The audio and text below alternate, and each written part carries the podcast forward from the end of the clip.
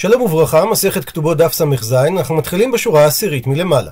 ראשית נזכר במשנה מדף ס"ו, שאמרה שאם הכלה פסקה להכניס לו אלף דינר, אז הוא פוסק כנגדן בסכום הכתובה 15 מנה. דהיינו, שליש יותר יקבלם עליו לכתוב בכתובתה, והסיבה לפי שמשתכר בהן. וכנגד השום הוא פוסק פחות חומש, דהיינו, אם בא חתן לכתוב קבלה עליו כנגד אלף דינר של שום שתכניס לו בגדים או כלים המשתמשים בהם והם פוחתים או פרקמטיה, ודרך האורחים בחתונה לשום את החפצים הללו יותר משוויים לכבוד הכלה ולחבבה על בעלה, אז הוא פוסק פחות חומש, דהיינו, אם היא הכניסה שום של אלף דינר, הוא כותב שמונה מאות זוז. ובהקשר לכך, אמר רב שמן בר אבא, אמר רבי יוחנן, אם היא הכניסה לו זהב, רש"י אומר שמדובר על חתיכות זהב, דהיינו מטילי זהב, ותוספות מביא את פירוש רבנו חננאל, שמדובר על כלי זהב כגון נזמים וטבעות. אז במקרה כזה אמר רבי יוחנן, שמין אותו, והרי הוא כשוויו. דהיינו שהוא לא יוסיף עליו סכום של שליש כי זה לא כסף מזומן, ומצד שני ולא יפחות חומש, כי זה דבר שערכו קבוע.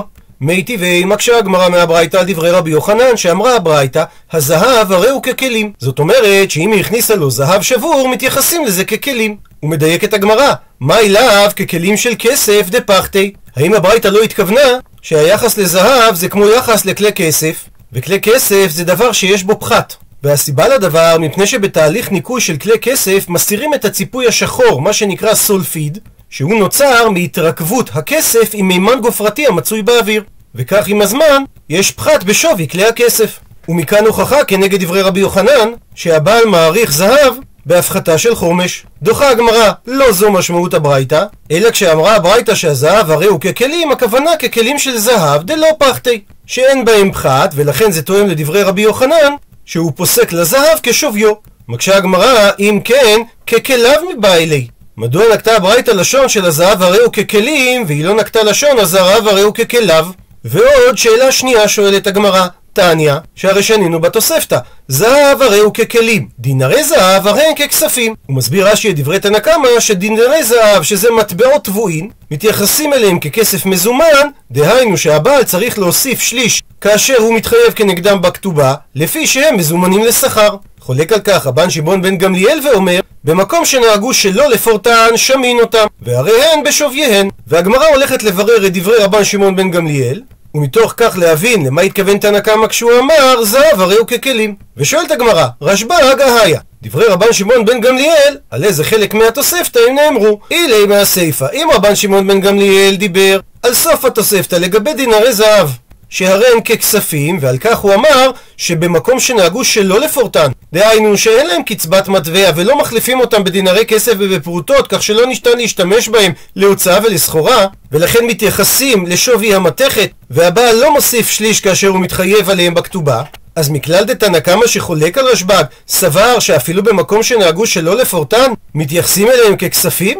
והרי אין בזה היגיון, שהרי הלא נפקי. לא ניתן להשתמש בהם להוצאה ולסחורה, אלא לאו בהכרח צריך להסביר שרשב"ג התייחס הרישא של התוספתא שאמרה זהב הרי הוא ככלים, ואחי כאמר, וכך צריך להסביר את דברי תנא קמא. זהב הרי הוא ככלים, מהי הכוונה כלים? כלים של כסף. רשב"ג חולק ואומר שדין הזהב שהרי הוא כדינריז של זהב במקום שנהגו שלא לפורטן.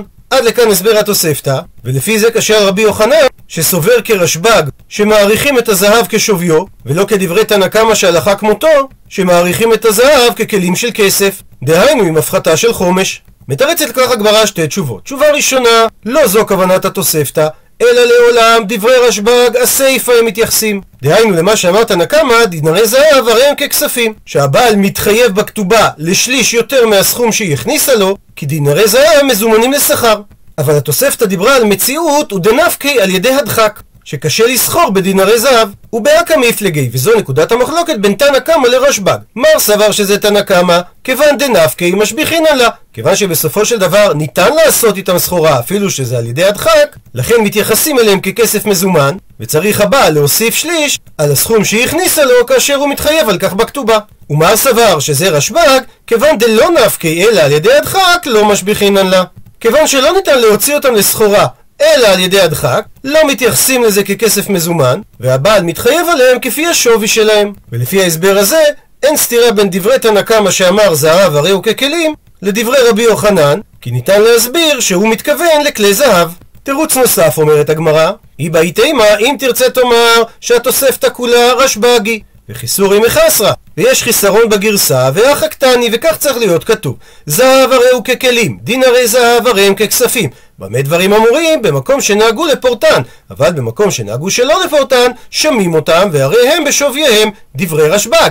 והנימוק שרבן שמעון בן גמליאל אומר במקום שנהגו שלא לפורטן שמים אותם והרי הם בשווייהם. עד לכאן ראינו שתי תשובות על הקושייה השנייה שהקשתה הגמרא מהתוספתא על דברי רבי יוחנן. חוזרת עכשיו הגמרא לשאלה הראשונה ואומרת מכל מקום ככליו מבעילי עדיין קשה על רבי יוחנן מלשון הברייתא הראשונה מדוע לא נקטה הברייתא הזהב הרי הוא ככליו אם היא התכוונה לכלים של זהב והשאלה הזאת אומרת הגמרא עדיין קשיא מביאה הגמרא שתי תירוצים תירוץ ראשון היא בהתאמה אם תרצה תאמר הכא במאי עסקינן כאן בברייתא שאמרה הזהב הרי הוא ככלים והכוונה לכלי כסף באיזה מציאות מדובר? בדהבה פריחה. זאת אומרת, רבי יוחנן דיבר על גרוטאות גדולות של זהב ששמים אותו כשוויו כי אין בהם פחת. והברייתא לעומת זאת דיברה על גרוטאות דקות של זהב שיש בו פחת כשמשמשין בהן ולכן היא אמרה הזהב הרי הוא ככלים דהיינו כמו כלים של כסף שיש בהם פחת ולכן שמים אותם פחות חומש. תשובה שנייה, רב אשי אמר שלא מדובר בדהבה פריחה, אלא בממלא. דהיינו, בזהב הניטל מן הארץ ממוצאו, דהיינו ממכרה הזהב, ומדובר על אבקה דקה של זהב. ומדרך הטבע, בצורה כזאת יש פחת גדול, ולכן אמרה הברייתא, הזהב הרי הוא ככלים, דהיינו ככלים של כסף. ומביאה עכשיו הגמרא עוד ארבע מימרות על דברים שהחתן מעריך יותר מכדי שוויים. מימרה ראשונה, אמר רבי ינאי, בסמים של אנטוכיה הרי הן ככספים. כי בעיר אנטוכיה עיקר סחורתן הייתה בבשמים, לכן אישה שהכניסה לבעלה שום שהוא בשמים, הרי הן ככספים להוסיף עליהם שליש. ערים רבות במזרח התיכון נקראו אנטיוכיה, רובן נבנו על ידי השושלת הסלואקית. גם ירושלים לפני מרד החשמונאים נקראה אנטיוכה. אנטיוכה שמוזכרת בגמרא זה אנטיוכה שעל האורנטס, שהיא נמצאת בעמק נהר האורנטס, 26 קילומטר מן הים התיכון, בנפת האיטי שבטורקיה. חשיבותה של האנטיוכה מבחינה היסטורית נובעת מהעובדה כי היא שכנה לא רק מסחר ראשי המוביל מנמלי הים התיכון, אל אזור נהרות הפרת והחידקל. העיר הקדומה הסתרה על שני עברי הנהר, אשר חוברו באמצעות חמישה גשרים, וגם על האי שבמרכזו. תחת השלטון הרומי הייתה אנטיוכה לעיר השלישית בגודלה באימפריה, אחרי אלכסנדריה, ויש אומרים כי בתקופות מסוימות היא הייתה שנייה במעמדה ובחשיבותה רק לרומא. אוכלוסייתה עמדה על מספר מאות אלפים ולעיתים עברה את חצי המיליון נפשות בשיא פריחתה במאה הרביעית לספירת הנוצרים. משערים כי שם אירע המעשה הידוע בחנה ושבעת בניה, ולדברי יוסף בן מתתיהו, אוצרות המקדש שבזז אנטיוכוס אפיפנס הועברו בהמשך לידי היהודים באנטיוכה והוצבו בבית הכנסת שם. במהלך מרד החשמונאים שימשה אנטיוכה בסיס לכוחות הסלואקים שנשלחו לארץ ישראל, ותפקיד זה של העיר חזר גם בדיכוי המרידה ביהודה בימי המרד הגדול. בשנת 1175 לספירת הנוצרים ביקר התייר בנימין מתודלה בעיר ומצא בה כעשרה יהודים העוסקים בזגגות. אמרה שנייה אמר בשמואל בר נחמני אמר רבי יונתן גמלים של ערביה אישה גובה פרנה מהם שאם בערביה אישה הכניסה לבעלה גמלים לחתונה זה נחשב ככסף מזומן כי ניתן לסחור בהם ולכן היא זכאית לרווח של שליש, דהיינו שהתחייב לה בכתובה על ערכם בתוספת 50%. מימרה שלישית, אמר רב פאפי, הניתות וידבי מכסה אישה גובה פרנה מהם. אישה שהכניסה לבעלה כנדוניה, שמלות, במקום שנקרא בי מכסה, זה נחשב ככסף מזומן, ולכן גם במקרה הזה היא גובה רווח שליש עליהם. מימרה רביעית, ואמר רב פאפי, הניסקי דרודיה, שקים מהעיר הודיע, ואשה לידי קמחוניה, וחבלים מהעיר קמחוניה, גם הם נחשבו ככסף מזומן, ולכן אישה גובה פרנה מהן. וממשיכה הגמרא אמר רבא, מרי שווה אמינא, בהתחלה חשבתי לומר, הני ארנקה דמחוזה, כיסים מלאים מעות, שירשו היתומים, אישה גובה פרנה מהם. ואומר רש"י שכאן משמעות המילה פרנה זה כתובה, שאנחנו לא מתייחסים לארנק של הכסף כמטלטלי, שזה לא משתעבד לגביית כתובת האישה, אלא אישה יכולה לגבות את הכתובה מהם. מסביר רבא, מה היא תמה? שככה חשבתי? כי אסמכת הוא עליו, שבמחוזה כולם בעלי סחורה, ויש להם כיסים מלאים מעות, ולכן חשבתי שאנשים סומכות על כך שבמקרה הצורך הם יגבו את הכתובה בכסף מזומן במקום מקרקעות. אבל כיוון דחזאי דשקללו ונפקי וחימשכחי הר עזבנה בהו, אבל כיוון שראיתי שהנשים מהאלמנות והגרושות שגובות כתובתן היו לוקחות את הכספים ויוצאות ומוצאות קרקע וקונות אותה, אמינא, אז אמרתי, הסמכת הוא הערא הוא. ומכאן הוכחה חד משמעית שהן לא סומכות על המזומן אלא על הקרקעות, ולכן הן לא גובות אלא מן הקרקע שירשו היתומים, ולא מאותם כיסים מלאי מעות, שהם נחשבים למטלטלים, ומטלטלים דיתומים לא משתעבדים לבעל חוב. ואומרת המשנה, המשיא את ביתו סתם, והוא לא פירש כמה כסף הוא ייתן בנדוניה, לא יפחות לה מחמישים זוז, ואם פסק להכניסה ערומה, דהיינו שהוא הודיע שהוא לא נותן לה בגדים בכלל, לא יאמר הבעל כשאכניסנה לביתי אחסנה בכסותי, אלא מכסה ועודה בבית אביה. כי אם הוא קיבל את התנאי של אביה, שהוא לא יספק לה בגדים, הרי החובה הזאת מוטלת עליו. וכן גבאי צדקה, המשיא את היתומה, לא יפחות לה מחמישים זוז. אם יש בכיס, דהיינו בקופת הצדקה, עוד כסף, אז מפרנסים אותה לפי כבודה. ואומרת הגמרא, אמר אביי, שמה שאמרה המשנה סכום של 50 זוז, היא התכוונה ל-50 זוזי פשיטי, ל-50 זוזי מדינה, שהם שמינית מהשווי של זוז צורי. כפי שכבר ראינו, שזוז צורי היה עשוי מכסף טהור, לעומת זוזי מדינה, שהיו עשויים משמינית כסף טהור, ושבע שמיניות נחושת. אומר אביי, ממה אני מוכיח את דבריי? מדקתני סיפא, מזה שכתוב בסוף המשנה, אם יש בה כיס, מפרנסים אותה לפי כבודה. ואמרינן, מהי הכוונה כיס? אמר על כך אמורה בשם רחבה, שהכוונה לארנקי של צדקה. ומכאן מוכיח אביי, ואיסא על כדעתין, אם היה עולה על דעתך שמדובר שנותנים לה חמישים זוזים ממש, דהיינו חמישים זוז צורי, שזה שווה ערך לארבע מאות זוזי מדינה, אז אם יש בכיס, דהיינו בקופת הצדקה עוד כסף, כמה יאבינן לה? הרי היא כבר קיבלה סכום עתק של 400 זוז מדינה, אלא שמע מינה שהמשנה התקבעה ל-50 זוזי פשיטי, דהיינו 50 זוז מדינה ולא 50 זוז צורי. וממשיכה הגמרא תנו רבנן, שנו רבותינו בתוספתא, יתום ויתומה שבאו להתפרנס, דהיינו לקבל מזונות מקופת הצדקה, מפרנסים קודם כל את היתומה, ואחר כך מפרנסים את היתום. והסיבה, מפני שהאיש דרכו לחזור על הפתחים והוא פחות מתבייש בזה, ואין אישה דרכה לחזור על הפתחים. וכאשר יתום ויתומה, הפכנו דף, שבאו להינשא מקופת הצדקה, אז קודם כל מסיעים את היתומה, ואחר כך מסיעים את היתום. והסיבה, מפני שבושתה של אישה, בזה שהיא לא נשואה, מרובה משל איש. ומביאה הגמרא תוספתא נוספת, תנו רבנן שנו רבותינו, יתום שבא לישא, שוכרים לו בית ומציעים לו מיטה וכל כלי תשמישו, ואחר כך רק מסיעים לו אישה. המקור לכך שנאמר, פסוק בדברים נקרא בפנים, כי פתוח תפתח את ידך לו והעבט תעביתנו די מחסורו אשר יחסר לו. וכך דורשת התוספתא את המילים בפסוק. די מחסורו זה הבית, אשר יחסר זה מיטה ושולחן. המילה לא זו אישה. והמקור לכך, וכן הוא אומר, נקרא בפנים פסוק מספר בראשית, ויאמר אדוני אלוהים לא טוב היות האדם לבדו אעשה לו עזר כנגדו. הרי שהמילה לא מתייחסת לאישה. מביאה הגמרא, תנו רבנן, שנו רבותינו ברייתא נוספת על הפסוק הזה. די מחסורו, אתה מצווה עליו לפרנסו, ואי אתה מצווה עליו לאשרו. דהיינו בגדרי מצוות צדקה, צריך לפרנס אותו באותה רמת חיים שהייתה לו, ולא מעבר לכך. ומה שכתוב אשר יחסר לו, אפילו סוס לרכוב עליו ועבד לרוץ לפניו צריך לתת לו. אמרו עליו על הלל הזקן, שלקח לעני בן טובים אחד, סוס לרכב עליו ועבד לרוץ לפניו. פעם אחת לא מצא לו הלל עבד לרוץ לפניו, ורץ לפניו הלל בעצמו שלושה מילין, שזה בערך שלושה קילומטרים. ועוד באותו עניין, תנו רבנן שנו רבותינו בתוספתא. מעשה באנשי גליל העליון, שלקחו לעני בן טובים אחד מציפורי, ליטרה בשר בכל יום. מקשה הגמרא, ליטרה בשר הם הביאו לו בכל יום? מה ירבותא? מדוע התוספתא מציינת את זה כחידוש גדול? הרי ליטרה בשר זה סדר גודל של המבורגר 450 גרם. מביאה על כך הגברה שלושה הסברים. הסבר ראשון אמר רב הונא, שלא מדובר על ליטרה של בשר בהמה, אלא ליטרה בשר משל עופות, שדמיהן יקרים, ואותו עני היה מעונג, דהיינו מפונק. הסבר שני, והיא בהיתם, האם תרצה תאמר, שהמילה ליטרה לא מתייחסת למשקל הבשר, אלא בליטרה משקל מעות, היו קונים לו בשר ממש בכמות מאוד גדולה. והשלישית, רב אשי אמר, הטעם כפר קטן היה. כך שבכל יומא הווה מפסדי חייבתא מתלותי. בכל יום היו שוחטים חיה בשבילו, כדי שיהיה לו משקל של ליטרה בשר לאכול, והיו מפסידים את כל שאר הבשר, כי לא היה מי שיקנה אותו. מביאה הגמרא סיפור. ההוא עני דעתה לקמי שבא לפני דרבי נחמיה. אמר לרבי נחמיה לעני, במה אתה סועד? דהיינו, מה אתה רגיל לאכול בסעודתך? אמר לו העני, בבשר שמן ויין ישן. אמר לו רבי נחמיה, תקשיב, את זה אין לי לתת לך, אבל אולי רצונך שתגלגל עמי בעדשים, אז בלית ברירה, גלגל עמו בעדשים. ובסופו של דבר, ומת אותו עני. אמר רבי נחמיה, אוי לו לזה שהרגו נחמיה. מקשה הגמרא, אדרבה, אם אתה מרגיש אחריות, אז למה אתה שם את עצמך בסוף? שים את עצמך בעיקר המשפט. אוי לו לנחמיה שהרגו לזה מבא אלי, כך הוא היה צריך לומר. אלא אומרת הגמרא, שאכן רבי נחמיה לא הרגיש אחריות למוות של העני, בגלל אי הוא הוא דלא איבא אלי לפינוק עיניו שכולי. העני גרם את המוות לעצמו, כי הוא לא היה צריך להתרגל לפנק את עצמו עד כדי כך. מביאה הגמרא סיפור נוסף.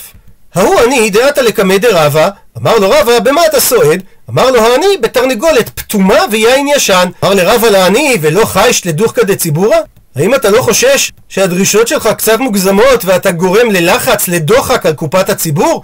אמר לו העני, אטו מדידו כאכילנא? אם אני אוכל משלהם, מדרחמנא כאכילנא. משל הקדוש ברוך הוא אני אוכל, דתנינא, שכך למדנו בברייתא על הפסוק, עיני כל אליך יסברו ואתה נותן להם את אוכלם בעיתו. שלמרות שבתחילת הפסוק מדובר על לשון רבים, בכל זאת בעיתם לא נאמר אלא בעיתו, מלמד שכל אחד ואחד נותן לו הקדוש ברוך הוא פרנסתו בעיתו. עד דאחי, בינתיים כשהם מדברים, עתי אחתי דרבה, הגיעה אחותו של רבה, דלא חזיה ליה תליסרי שני, שלא ראתה אותו 13 שנה, ואתיה ליה, והיא הביאה לו תרנגולת פתומה ויין ישן. אמר על כך רבה, מאי דקמה? מה זה מה שקורה כאן לפניי? שאחותי שכל כך הרבה זמן לא ראיתי, הביאה לי בדיוק את מה שאני הזה מבקש, אמר לרבה לעני, נעניתי לך, אתה צודק בדרישה שלך, קום אכול. עוברת עכשיו הגמרא לדון כיצד האופן הראוי לתת צדקה. תנו רבנן שנו רבותינו בברייתא. אדם שאין לו כסף מצד שני ואינו רוצה להתפרנס מהצדקה. אז גבי הצדקה נותנים לו כסף לשום הלוואה ואת זה הוא מוכן לקחת וחוזרים ונותנים לו את הכסף לשום מתנה ולא גובים את זה ממנו. זה דברי רבי מאיר, וחכמים אומרים נותנים לו לשום מתנה וחוזרים ונותנים לו לשום הלוואה פותחת הגמרא סוגריים ושואלת, כיצד ניתן לתת לו את זה לשום מתנה? הלו שקיל, הרי הוא לא רוצה להתפרנס מקופת הצדקה והוא לא ייקח את הכסף. מסביר את הדברים, אמר רבא, חכמים התכוונו שצריך לפתוח לו לשום מתנה, דהיינו להציע לו לקחת את הכסף לשום מתנה, ורק אם הוא אינו רוצה, להגיד לו תיקח את זה כהלוואה. סגור סוגריים, ממשיכה הברייתא. אדם שיש לו כסף ואינו רוצה להתפרנס ממנו. מה עושים גבי הצדקה כדי שהוא לא ימות ברעב? נותנים לו כסף לשום מתנה, וחוזרים ונפרעים ממנו אחר כך. פותחת הגמרא סוגריים ושואלת, אבל אם חוזרים ונפרעים ממנו אחר כך, תו לא שקיל, הרי הוא לא ייקח את הכסף. מסביר את הדברים, אמר רב פאפא, שהכוונה שנפרעים ממנו רק לאחר מיתה. או סוגריים, ממשיכה הברייתא. רבי שמעון לעומת זאת אומר, אדם שיש לו ואינו רוצה להתפרנס, אין נזקקים לו, הוא גורם לעצמו את מיתתו. אבל אם אין לו ואינו רוצה להתפרנס, אז במצב כזה, אומרים לו גבי הצדקה, הווה משכון וטול, כדי שתזוח דעתו עליו. כדי שיהיה לו גאווה עצמית, שהוא יחשוב שנותנים לו את הכסף כהלוואה. וממשיכה הגמרא תנו רבדן, שענו רבתנו על הפסוק, כי פתוח תפתח את ידך לו והאבד תאוויתנו די מחסורו אשר יחסר לו. האבד זה שאין לו ואינו רוצה להתפרנס, שנותנים לו לשום הלוואה וחוזרים ונותנים לו לשום מתנה, והמילה תאוויתנו זה שיש לו ואינו רוצה להתפרנס, שנותנים לו לשום מתנה וחוזרים ונפרעים ממנו לאחר מיתה. עד לכאן דברי רבי יהודה, וחכמים אומרים, אם יש לו ואינו רוצה להתפרנס, אין נזקקין לו, כדעת רבי שמעון בברייתא הקודמת, ואלא מה אני מקיים מזה שהתורה אמרה תעביתנו, אין פה שום לימוד מיוחד, כי דיברה תורה כלשון בני אדם. ומביאה הגמרא כה עשו חכמינו מפורש. מר עוקבא, שהיה ראש הגולה בתקופתו של שמואל, הווה עניה בשיבבותא. היה עני אחד בשכנתו, דהווה רגיל כל יומא, שהיה מר עוקבא רגיל כל יום, דשדי לארבע זוזי בצינור דדשה. שהיה רגיל לשים לו ארבע זוזים בחור שנמצא במפתן הדלת, שבו היו שמים את ציר הדלת. יום אחד אמר העני, איזה ליכזי אני אלך ויראה, מן כאביד בי ההוא טיבותא. מי עושה לי את הטובה הזאת? ודווקא בהוא יומא, נג הלי למר עוקבא לבי מדרשה. התאחר מר עוקבא בבית המדרש, אתיה דביתו בעדי, הצטרפה אליו אשתו, וליוותה אותו.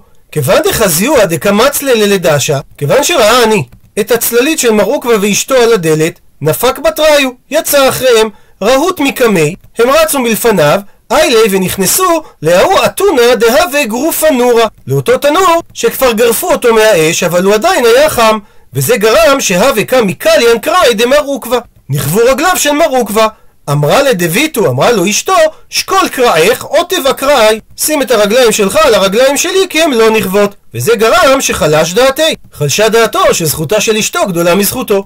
אמרה לי, הסבירה לו אשתו, אנא שכיחנה בגבי דביתא, אני מצויה בבית, ומקר והנאייתי. ולכן ההנאה שהעניים מקבלים מהצדקה שאני נותנת להם יותר גדולה. שהרי אני נותנת להם אוכל ואתה נותן להם כסף, אז הם צריכים ללכת לקנות אוכל. מקשה הגמרא, ומאי כולי? הם כל כך התאמצו להסתיר את עצמם, מדוע הם נכנסו לתוך התנור? עונה הגמרא, דאמר מר זוטרא בר טוביה אמר רב ואמר לה ויש אומרים שאמר רב הונא בר ביזנא אמר רבי שמעון חסידה ואמר לה ויש אומרים שאמר את זה רבי יוחנן משום רבי שמעון בן יוחאי נוח לו לאדם שימצור עצמו לתוך כבשן האש ואל ילבין פני חברו ברבים והמקור לכך מנהלן? מתמר דכתיב שר יהודה גזר את דינה של תמר לשרפה כי הוא חשב שהיא זינתה כתוב היא מוצאת, והיא שלחה אל חמיה לאמור, לאיש אשר אלה לו אנוכי הרע, ותאמר, הכר נא למי החותמת והפתילים והמטה האלה. זאת אומרת שאם הוא היה בוחר לא לגלות שהיא הרע ממנו, היא הייתה נשרפת בכבשן האש, כדי לא להלבין את פניו ברבים. והגמרא סיפור נוסף. מראו כבר הווה עניה בשבבותי, היה עני בשכנותו, דהווה רגיל לשידור אלה ארבע מאה זוזי כל מאה ליום עדי כיפורה. שהוא היה רגיל לשלוח לו הקצבה שנתית של ארבע מאות זוז בכל ערב יום כיפור. יום אחד, פעם אחת, שדרינו נהלה ביד ברי, הוא שלח את הכסף עם הבן שלו, עתה חזר הבן, אמר לי, לא צריך יותר לתת לו כסף. אמר לו מרוקווה, מהי חזית? מה ראית שככה אתה אומר? עונה לו הבן, חזאי דקמז לפיילי יין ישן. ראיתי שהם משתמשים לבשם את הבית ביין ישן. שומע את הדברים מרוקווה, אמר, מפנה כולי היי? לא ידעתי שהעני הזה מפונה כל כך. וממילא זה אומר שדרוש לו יותר כסף ממה שהקצבתי לו, עייפין הוא ושדרינו ניאלי. הכפיל מרוקווה את הכסף ושלח אליו. ומספרת הגמרא, כי כניחא נפשי, כשמרוקווה עמד למות, אמר, הייתו לי חשבוני דצדקה. תביאו לי את ספר החשבונות של הצדקה שלי, אשכח והוא מצא דהוה כתיב ביה שבעת אלפי דינרי סיאנקי, שהסכום שהוא נתן לצדקה היה שבעת אלפים דינרים בעלי ערך גבוה. אמר מר עוקבא, זוודאי קלילי ואורחא רחיקתא. אני הכנתי צידה קלה לדרך רחוקה. מיד קם בזבזיה לפלגיה ממוניה. הלך ובזבז חצי מממונו לצדקה. או במילים אחרות, הוא עשה change, המיר את כספו, מכסף של העולם הזה לכסף שמועיל בעולם הבא. מקשה על כך הגמרא, היכי עבד אחי, איך הוא עשה דבר כזה? ואמר רבי אלי, שבאושה התקינו, המבזבז אל יבזבז יותר מחומש. אז איך הוא בזבז חצי מכספו? עונה הגמרא, הני מילה מחיים. מה שהתקינו באושה שאל יבזבז יותר מחומש, זה דווקא כאשר האדם חי, והסיבה שמא ירד מנכסיו, אבל לאחר מיתה ליתלן בה. כאשר הוא עומד למות, אין בעיה שיבזבז את כספו, שהרי זה לא משנה אם לאחר מיתה ירד מנכסיו. מסיימת הגמרא שרבי אבא, הווה צייר זוזה בסודרי, היה קושר מעות בבגד שלו, ושד הלל לאחורי, ושם את הבגד על גבו מאחוריו, וממצה נפשה לבי עניי, והיה ממציא את עצמו, דהיינו היה עובר היכן שהיו עניים, וככה העניים היו יכולים לקחת בלי להתבייש כי הוא לא היה רואה אותם, והוא היה משגיח ומץ לעיני מרמאי. היה מסתכל שלא באים רמאים לקחת ממנו את הכסף. עד לכאן דף ס"ז. למעוניינים בהרחבה נקרא את דברי הרמב"ם בהלכות מתנות עניים פרק י' שמונה מעלות יש בצדקה זו למעלה מזו. מעלה גדולה שאין למעלה ממנה זה המחזיק בידי ישראל שמח ונותן לו מתנה או הלוואה או עושה עמו שותפות או ממציא לו מלאכה כדי לחזק את ידו עד שלא יצטרך לבריות ולא ישאל. ועל זה נאמר והחזקת בו גר ותושב וחי עמך כלומר החזק בו שלא ייפול ויצטרך פחות מזה, הנותן צדקה לעניים ולא ידע למי נתן ולא ידע העני ממי לקח, שהרי זו מצווה לשמה, כגון לשכת חשאים שהייתה במקדש, שהיו הצדיקים נותנים בה בחשאי, והעניים בני טובים מתפרנסים ממנה בחשאי, וקרוב לזה, הנותן לתוך קופה של צדקה, ולא ייתן אדם לתוך קופה של צדקה, אלא אם כן יודע שהממונה נאמן וחכם, ויודע לנהוג בה כשורה כחנניה בן תרדיון. פחות מזה, שידע הנותן למי ייתן, ולא ידע העני ממי לקח. כגון גדולי החכמים, מרוקווה, שהיו הולכים בסתר ומשליכים המעות בפתחי העניים, וכזה ראוי לעשות ומעלה טובה היא, אם אין הממונים בצדקה נוהגים כשורה. פחות מזה, שידע העני ממי נטל, ולא ידע הנותן. כגון גדולי החכמים, רבי אבא, שהיו צוררים המעות בסדיניהן ומפשילים לאחוריהם, ובאים העניים ונוטלים כדי שלא יהיה להן בושה. פחות מזה שייתן לעני בידו קודם שישאל, פחות מזה שייתן לו כראוי ליתן לו אחר שישאל, פחות מזה שייתן לו פחות מן הראוי בסבר פנים יפות, פחות מזה שייתן לו בעצב. גדולי החכמים היו נותנים פרוטה לעני קודם כל תפילה ואחר כך מתפללים, שנאמר פסוק בתהילים, אני בצדק אחזה פניך.